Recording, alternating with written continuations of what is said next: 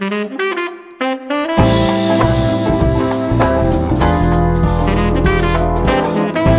თვალი დაკავებული გაქვთ და საკითხავად არ გცალიათ, ან თუ ჩემსავით სათვალეს ვერ პოულობთ, ან და თუ უბრალოდ მოგენატრათ თვალების დახუჭვა და სხვების მიერ მოთხრობილი საინტერესო ამბებისთვის ყურის მიგდება, მაშინ ეს პოდკასტი თქვენთვისაა. გამარჯობა. თქვენ უსმენთ რადიო თავისუფლების პოდკასტს მოლაპარაკე ტექსტებს. მოლაპარაკე ტექსტებს. მე ბიძინა რამიშვილი გახლავართ. აქ მოქმედი პირები არიან ტექსტები, რომლებსაც რადიო თავისუფლების ვებსაიტზე ვარჩევ თქვენთვის კვირაში ერთხელ და მათ მოსათხრობ ამბებად ვაქცევ ხოლმე.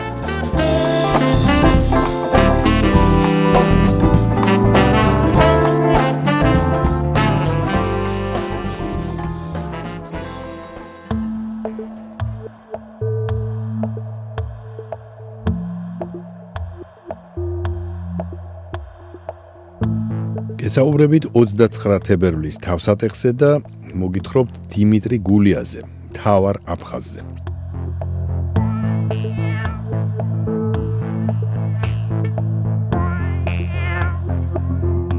დაგიგითხავთ ლელა კუნჭულიას სტატიას 29 თებერვლის თავსატეხი. როდის იხდი დაბადების დღეს? ხშირად აკითხებიან 29 თებერვალს დაბადებულებს. თავად იმ დღის იუბილარებს კი შესაძლოა აწუხებდეთ შეკითხვა: როდის ხდები სრულწლოვანი? დღეს მე 11 წლის გავხდი და ჩემი შვილის ტოლი ვარ. გვეუბნება 44 წლის ლიკა. 24 წლის გიორგის კი თავსატეხი გაუჩნდა 2018 წელს, როცა სრულწლოვანი ხდებოდა და იმ წლის კალენდარში 29 თებერვალი არ იყო.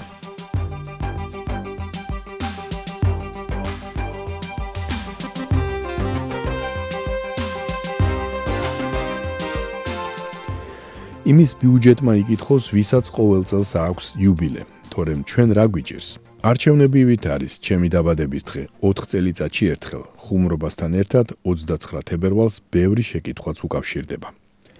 ზოგი რამ სადავოა იურისტების თვალითაც. ალბათობა იმისა, რომ ადამიანი 29 თებერვალს დაიბადოს, დაახლოებით 0.68%-ს შეადგენს. დედამიწაზე მცხოვრები 8 მილიარდი ადამიანიდან ამ დღეს დაახლოებით 5 მილიონი ადამიანია დაბადებული. სახელმწიფო სერვისების განვითარების სააგენტოში გვითხრეს, რომ ამჟამად საქართველოში 29 თებერვალს დაბადებული 2480 ადამიანია რეგისტრირებული. მათგან 1292 ქალია, 1188 კი კაცი. სტატისტიკაში ვერ ხვდებიან ისინი, ვინც სინამდვილეში 29 თებერვალს დაიბადა, მაგრამ დაბადების თარიღად ჯერ კიდევ სამშობიარო სახლში 28 თებერვალი ან 1 მარტი ჩაუწერეს. მათი ზუსტი რიცხვი არავინ იცის. ხომ არ ჩავწეროთ 28 თებერვალი? ეს შეკითხვა ლიკა კინწურაშვილის დედასაც დაუსვეს. 44 წლის წინ, როდესაც 29 თებერვლის პირველ წუთებზე დაბადებულ გოგოს ანკეტას უსებდნენ. დედა მუარი თქვა და ამას არც თავად ლიკანანობს, რადგან დაბადების თარიღს მისთვის პრობლემა არასდროს შეუქმნია. ახსოვს მხოლოდ ერთადერთი გაუგებრობა. ციტატა. ერთ-ერთი ქვეყნის საზღვარზე წლების წინ მე საზღვრემ ძალიან გაკვირვებულმა დახედა ჩემს პასპორტს და მითხრა: "ყალბიაო, 29 თებერვალი არ არსებობსო." მეც გაკვირვებულმა რომ შევხედე, მეორე მე საზღვრემ ჩაიხედა და ყველაფერს მიხვდა. იმ პირველმა არ იცოდა ეთყობა. ციტატის დასასრული. ლიკა გვეუბნება, რომ დაბადების დღეს 4 წელიწადი არასდროს ელოდება და როგორც წესი 28 თებერვალს ან 1 მარტს აღნიშნავს. გავრცელებული ხუმრობაა, რომ 29 თებერვალს დაბადებულ ადამიანებს ასაკი 4 წელიწადში ერთხელ ემატებათ. ამ არითმეტიკით ლიკასთვის ეს წელი განსაკუთრებულია. წელს ჩემი შვილის ასაკში ვარ. 11 წლის გავხდით ორივე. ამაზე ვიცინით, ამბობს ის.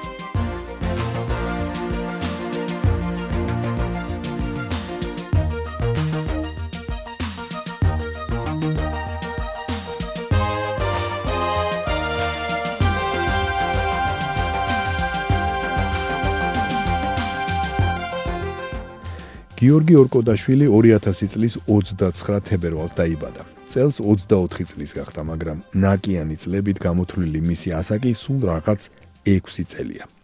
დაბადების დღეებს ისიც 28 თებერვალს ან 1 მარტს აღნიშნავს. ამბობს, ჩვეულებრივ დღეებში დაბადებულებზე უფრო დიდი არჩევანი მაქვს. თუმცა 2018 წელს, როცა სრულწლოვანი ხდებოდა და იმ წელს 29 თებერვალი კალენდარში არ იყო, დაებადა შეკითხვა: 28 თებერვალს უკვე ითვლებოდა თუ არა სრულწლოვნად. თუ 1 მარტიდან გადავიდა ცხოვრების ახალ ეტაპზე. ამ შეკითხვაზე პასუხი არც ახლა აქვს.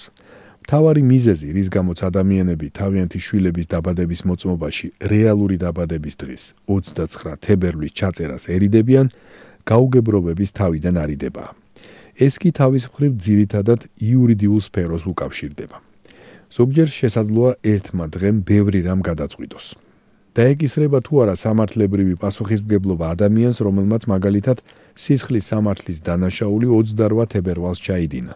ხოლო 14 წლის ხდებოდა 29 თებერვალს. მაგრამ იმ წლის კალენდარში ასეთი დღე არ იყო. იურისტი ნიკა სიმონიშვილი გვეუბნება, რომ ამ შემთხვევაში 14 წელს მიღწეულად პირი 1 მარტს უნდა ჩაითვალოს, რადგან სამართლებრივად ასე უფრო სწორი იქნება. თუმცა არც იმას გამორიცხავს, რომ შესაძლოა საკითხი სასამართლოს დონეზე მაინც სადავო გახდეს. საქართველოს კანონმდებლობით სისხლის სამართლებრივი პასუხისმგებლობა დგება, როცა ახალგაზრდა 14 წლის ასაკს მიღწეულად ითვლება. ადმინისტრაციული პასუხისმგებლობა 16 წლის ასაკიდან დგება. ზიანის ანაზღაურების პასუხისმგებლობა კი ადამიანს 10 წლის ასაკიდან ეკისრება. საკუთარ არგუმენტებს სიმონიშვილი იმითაც ამყარებს, რომ ზოგადი კონსტიტუციური და საკანონმდებლო მიდგომით ყოველგვარი ეჭვი ბრალდებულის პასუხისგებაში მისაცემი პირის სასარგებლოდ უნდა გადაწყდეს. იურისტის თქმით 29 თებერვალთან დაკავშირებული მსგავსი შეკითხვები შესაძლოა წარმოიშვას ასევე 18 წლის ასაკთან მიმართებით, როცა ყველაზე მეტი უფლება და ვალდებულება და სამოქალაქო უფლებებით დამოუკიდებლად სარგებლობის საშუალება ჩნდება. თუმცა უფრო იოლად არის საქმე 16 წლის ასაკთან მიმართებით, როცა 29 თებერვალი კვლავ იქნება კალენდარში. იურისტი არჩილ კაიკაციშვილი გვეუბნება, რომ ეს საკითხი პირდაპირ არ არის მოწესრიგებული დღეს მოქმედი კანონმდებლობით, მაგრამ კალენდარში ნაკიან წელს 29 თებერვალი შესაძლოა მხოლოდ მომდევნო თარიღმა, ანუ 1 მარტმა ჩაანაცვლოს. ანუ დღემ, რომელიც 28 თებერვლის ამოწურვის შემდეგ დადგება და 29 თებერვალს ვერ ჩაანაცვლებს 28 თებერვალი. მაგრამ ეს პირი დაბადებულია თებერვალში და არა მარტში. გაითვალისწინებენ ამ ფაქტს. კაიკაციშვილს ცალსახა პასუხი არ აქვს. ის ასევე ფიქრობს, რომ შესაძლოა ყოველი კონკრეტული შემთხვევა შემამსუბუქებელი გარემოებების გათვალისწინებით ინდივიდუალურად გადაწყვიტოს სასამართლო. იურისტი ამბობს, რომ ნაკიანმა წელმა უხერხულობები და გაუგებრობები შეიძლება შექმნას სხვადასხვა დოკუმენტის მომზადების პროცესში. თუმცა 20 წლიან პრაქტიკაში ასეთი საკითხი არასდროს მქონია. ეუბნება არჩილ კაიკაციშვილი რადიო თავისუფლებას. რა არის ნაკიანი წელი? ნაკიანია წელიწადი, როცა ის არა 365, არამედ 366 დღეღამეს ითვლის. და ეს მცირე გამონაკლისების გარდა 4 წელიწადში ერთხელ ხდება, როცა კალენდარს 29 თებერვალი ემატება. მარტივად რომ ვთქვათ, 366 დღის დამატება კალენდარული ბალანსის შესანარჩუნებლად არის საჭირო. და ნაკიან წელიწადში ხდება იმ სხვაობის შესწორება, რომელიც დედამიწის მოძრაობის შედეგად წარმოიშობა. მზის გარშემო დედამიწის მიერ ერთი სრული წრის დარტყმას 365 დღე და კიდევ დაახლოებით 6 საათი სჭირდება. ზედმეტი საათების ჯამი 4 წელში 24 საათს, ანუ ერთ დღეღამეს შეადგენს და ეს სხვაობა უნდა შესწორდეს. ნაკიენად ითვლება წელიწადი, რომელიც იყოფა 4-ზე, მაგრამ იმ წლების გარდა, რომლებიც დაბოლოებულია 2 ნულით და არ იყოფა 400-ზე. ამ პრინციპით ნაკიანი წელი არ ყოფილა 1700, 1800 და 1900, მაგრამ იყო 2000. ნაკიანი წლების გარეშე გრძელვადიან პერსპექტივაში წლის სეზონები აირეოდა. ეს გახლავთ ლელა კუნჩულიას სტატია 29 თებერვლის თავსატეხი.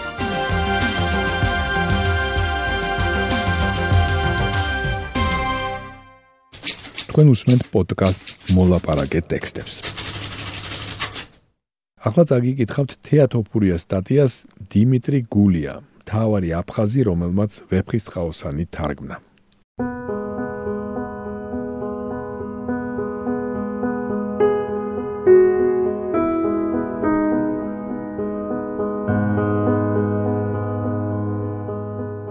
თავარი აფხაზი, ასე უწოდებენ აფხაზები აფხაზური ლიტერატურის ფუძემდებელს დიმიტრი გულიას. გულია აფხაზურადაც წერდა და ქართულიდანაც თარგმნიდა. 21 თებერვალს მისი დაბადების 150 წლისთავი სოხუმშიც აღნიშნეს და თბილისშიც. აფხაზი წერლისა და მთარგმნელის შესახებ რადიო თავისუფლება აფხაზოლუქს სოხუმის უნივერსიტეტის პროფესორს თეიმურაზ გვანცელაძეს ესაუბრა. რადიო თავისუფლება დიმიტრი გულია არის ადამიანი, რომელთანაც აფხაზები საკუთარ იდენტობას აიგივებენ.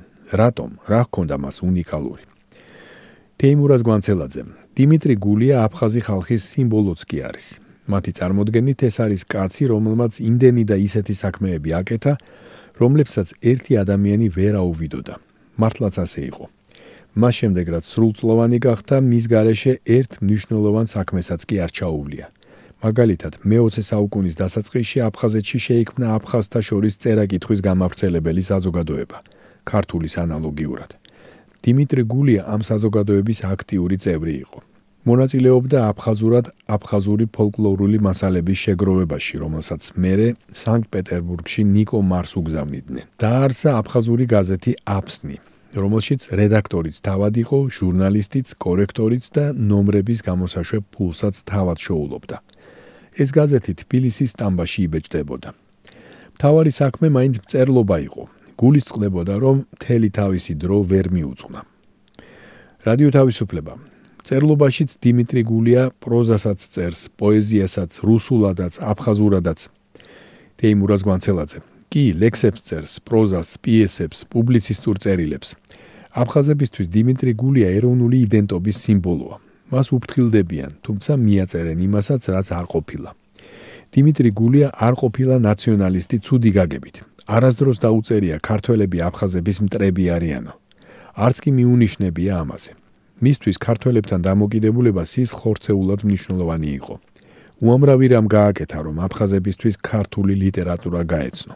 რადიო თავისუფლება, თარგმნა რუსთაველი, აკაკი წერეთელი, ილია ჭავჭავაძე, ხომასია, თეიმურაზ გვანცელაძე. ჯერ მარტო ვეფხისტყაოსნის თარგმნა რადგირს, თან პოეტური თარგმანია. სამი წელი მთელი მონდომებით თარგმნიდა, ყველა სხვა საქმე გადადო. მისი თარგმნილი გამზრდელიც უნიკალური ნაშრომია.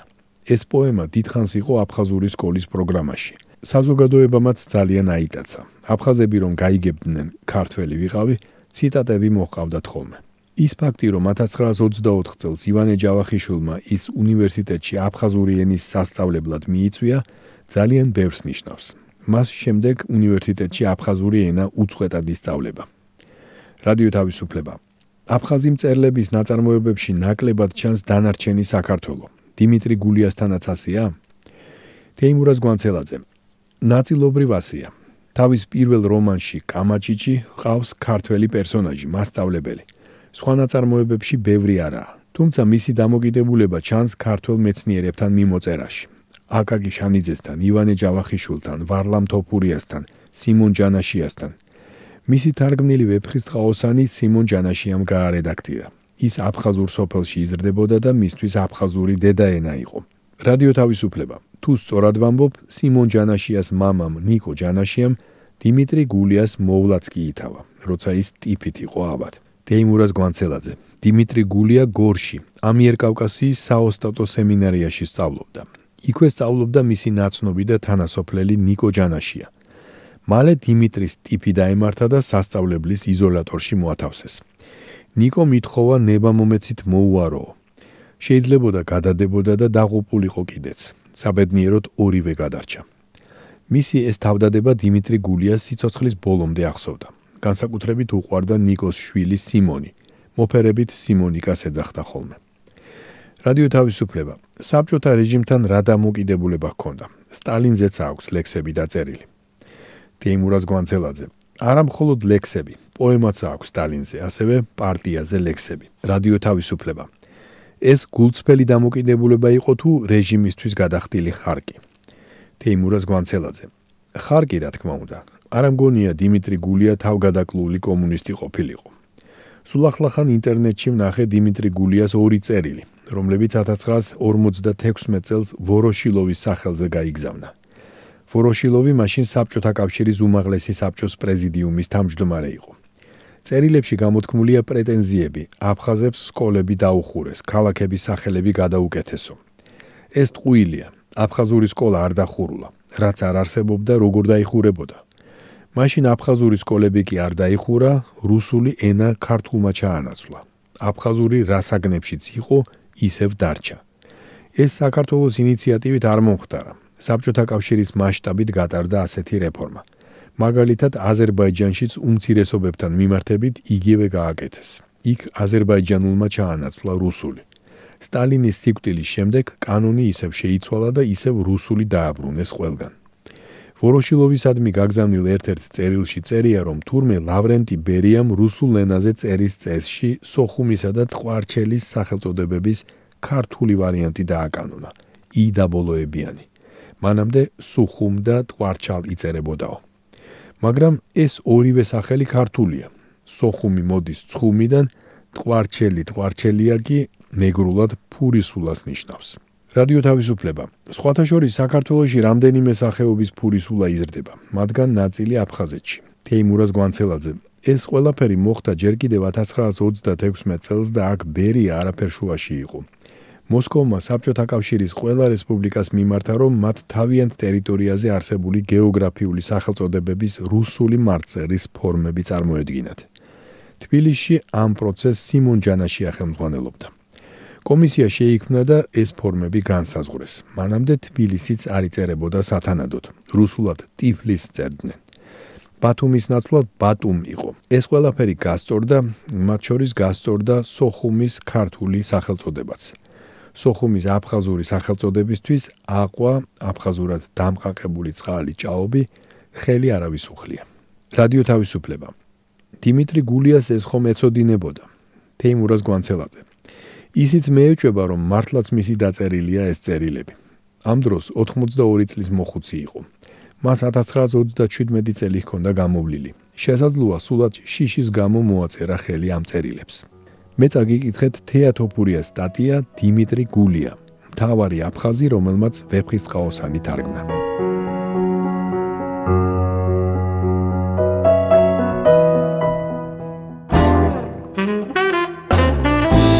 თქვენ მოისმინეთ რადიო თავისუფლების პოდკასტი მოლაპარაკე ტექსტები. მე კვირაში ერთხელ ვარჩევ რადიო თავისუფლების ვებსაიტზე გამოქვეყნებულ ტექსტებს და მათ მოსათხრობამდებად ვაქცევ ხოლმე. ჩვენი პოდკასტი შეგიძლიათ გამოიწეროთ, ჩამოტვირთოთ ან მოისმინოთ პირდაპირ რადიო თავისუფლების ვებსაიტზე. მისი მისამართია რადიო თავისუფლება.ge. თუ ჩემი მიერ მოთხრობილი ტექსტები სრული სახით დაგაინტერესებთ, მათი მოძებნა იულია. ვებსაიტზე პოდკასტის გვერდზე იპოვით ყოველ ცალკეულ პროგრამაში მოთხრობილი ტექსტების ბმულებს. მე ბიძინა რამიშვილი ვარ. მომავალ შეხვედრამდე.